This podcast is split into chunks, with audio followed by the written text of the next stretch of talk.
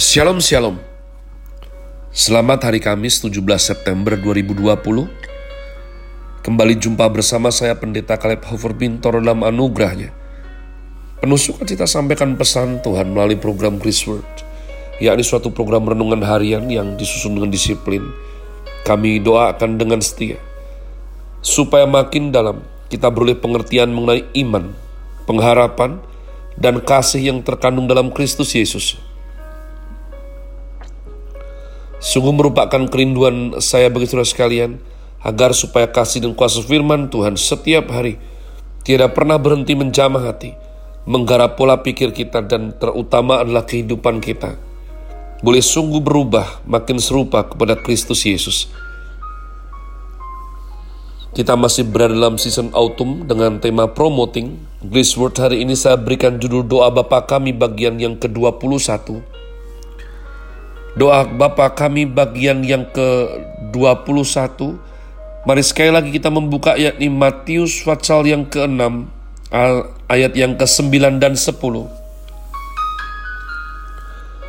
Karena itu berdoalah demikian, Bapa kami yang di sorga, dikuduskanlah namamu, datanglah kerajaanmu, jadilah kehendakmu di bumi seperti di sorga.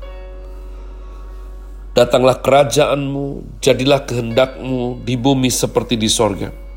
Datanglah kerajaanmu berarti hidup di dunia ini, tetapi dengan iman menuju dunia lain, di mana janji dan kehendak Tuhan lebih tinggi daripada pemerintahan atau kerajaan yang ada di muka bumi ini.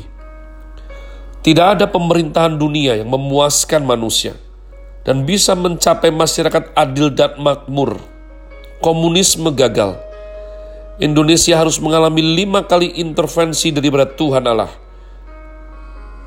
Melalui hal ini kita belajar apakah peran kekristenan.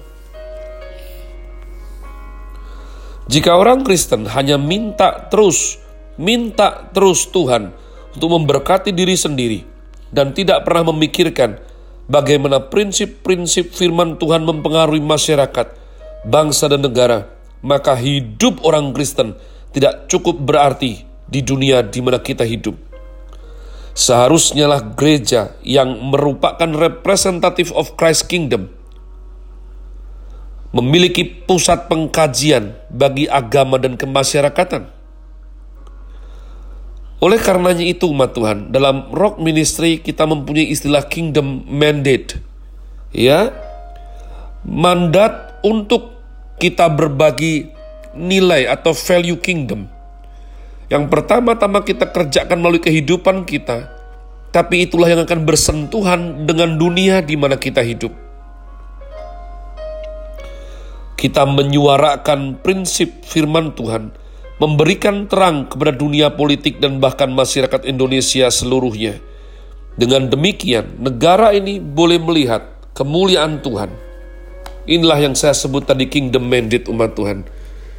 Mau tidak mau mereka mengakui orang Kristen anak Tuhan hidupnya berbeda ya.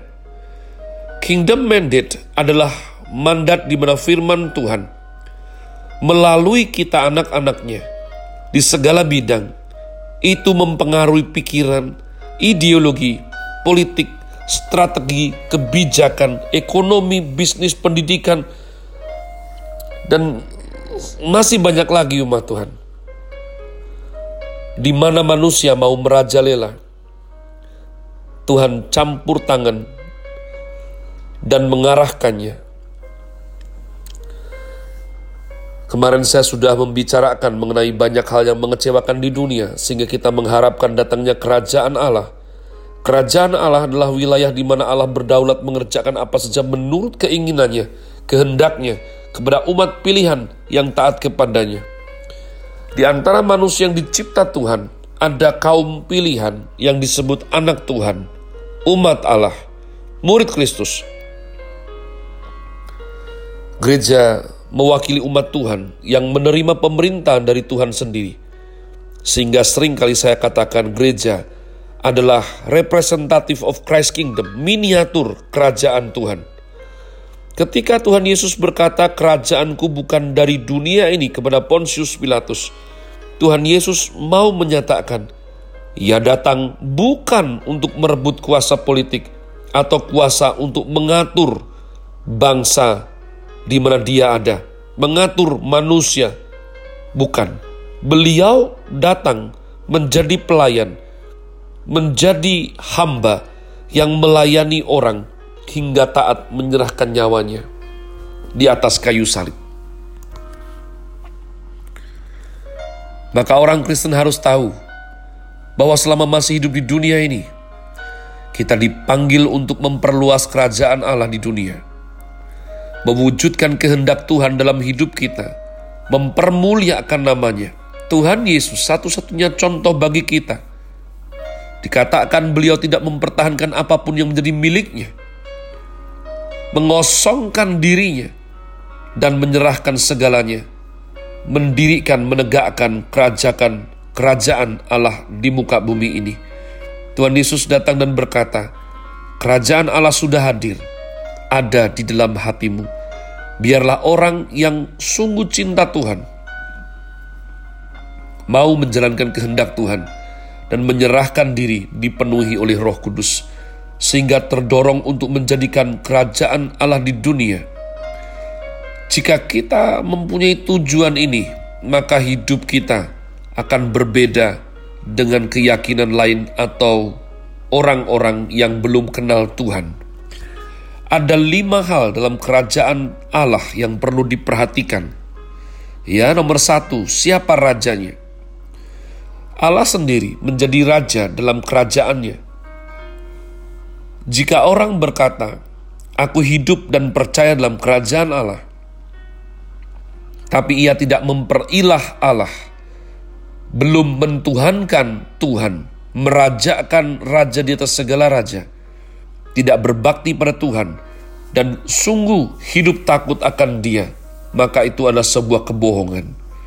Yang kedua, siapa rakyatnya? Rakyatnya yaitu orang-orang pilihan yang digerakkan oleh Roh Kudus, menyerahkan diri dan menerima Kristus sebagai juru selamat dan dilahirkan baru oleh Roh Kudus. Yang ketiga, apa inti kebenaran dalam kerajaan ini?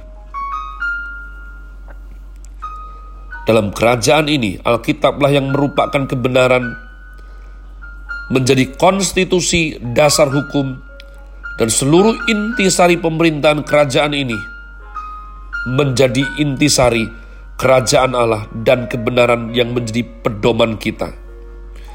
Tuhan mengendalikan gereja dan semua orang percaya melalui firman Tuhan. Yang keempat, bagaimana prinsip pemerintahannya? Di dalam kerajaan pasti ada prinsip pemerintahan yang disarikan dari kebenaran yang dipercaya. Maka dalam kekristenan, kita patut dikontrol oleh Tuhan. Karena Tuhan memakai prinsip kerajaannya untuk memerintah dan mengendalikan kita. Prinsip pengendalian dan prinsip pemerintahan Tuhan adalah kebenaran. Righteousness, bahasa Yunaninya adalah dia, diakosuni, dunia penuh dosa. Gereja penuh dengan keadilan dan kebenaran Tuhan. Dalam kerajaan setan, setan memakai dosa dan mengendalikan, menguasai miliknya di gereja, Tuhan memakai keadilan kebenaran untuk menguasai dan memerintah kepunyaannya. Maka mari kita serahkan mata, telinga, tangan, kaki, dan seluruh tubuh kita menjadi alat kebenaran. Seperti yang dikatakan Rasul Paulus di Roma pasal yang ke-6. Serahkanlah anggota-anggota tubuhmu kepada Allah untuk menjadi senjata senjata kebenaran yang kelima, siapa yang melaksanakan semua prinsip pemerintahan? Roh Kudus. Roh Kudus yang memimpin kita melalui Kristus untuk takluk kepada Bapa, menyinari kita untuk memahami firman Tuhan yakni kitab suci Alkitab kita. Untuk taat kepada Tuhan, Roh Kudus memimpin hidup kita untuk takluk kepada kedaulatan Tuhan.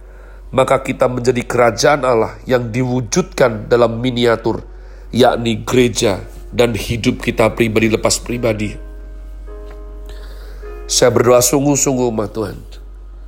Supaya kita mengerti kingdom mandate. Dan kita menghidupinya.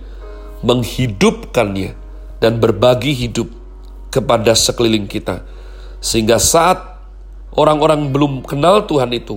Hidupnya bersentuhan dengan kehidupan mereka. Mereka boleh melihat.